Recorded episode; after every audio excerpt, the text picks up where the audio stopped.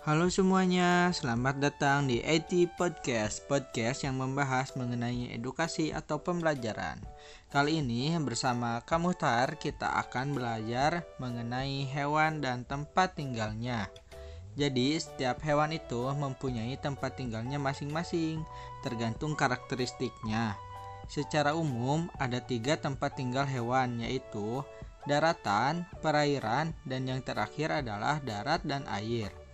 Hewan yang hidup di darat hanya bisa hidup di darat, tidak bisa dipaksakan untuk hidup di air karena karakteristiknya berbeda. Contoh hewan yang hidup di darat adalah seperti ayam, sapi, kambing. Oh iya, hewan yang hidup di darat tidak hanya di permukaan saja, ada juga yang hidup di dalam tanah seperti cacing dan di udara seperti burung.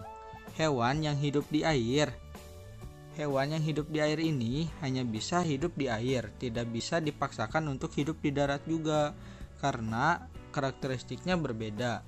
Contoh dari hewan yang hidup di air adalah seperti berbagai jenis ikan seperti ikan mas, ikan koi, dan ikan-ikan lainnya.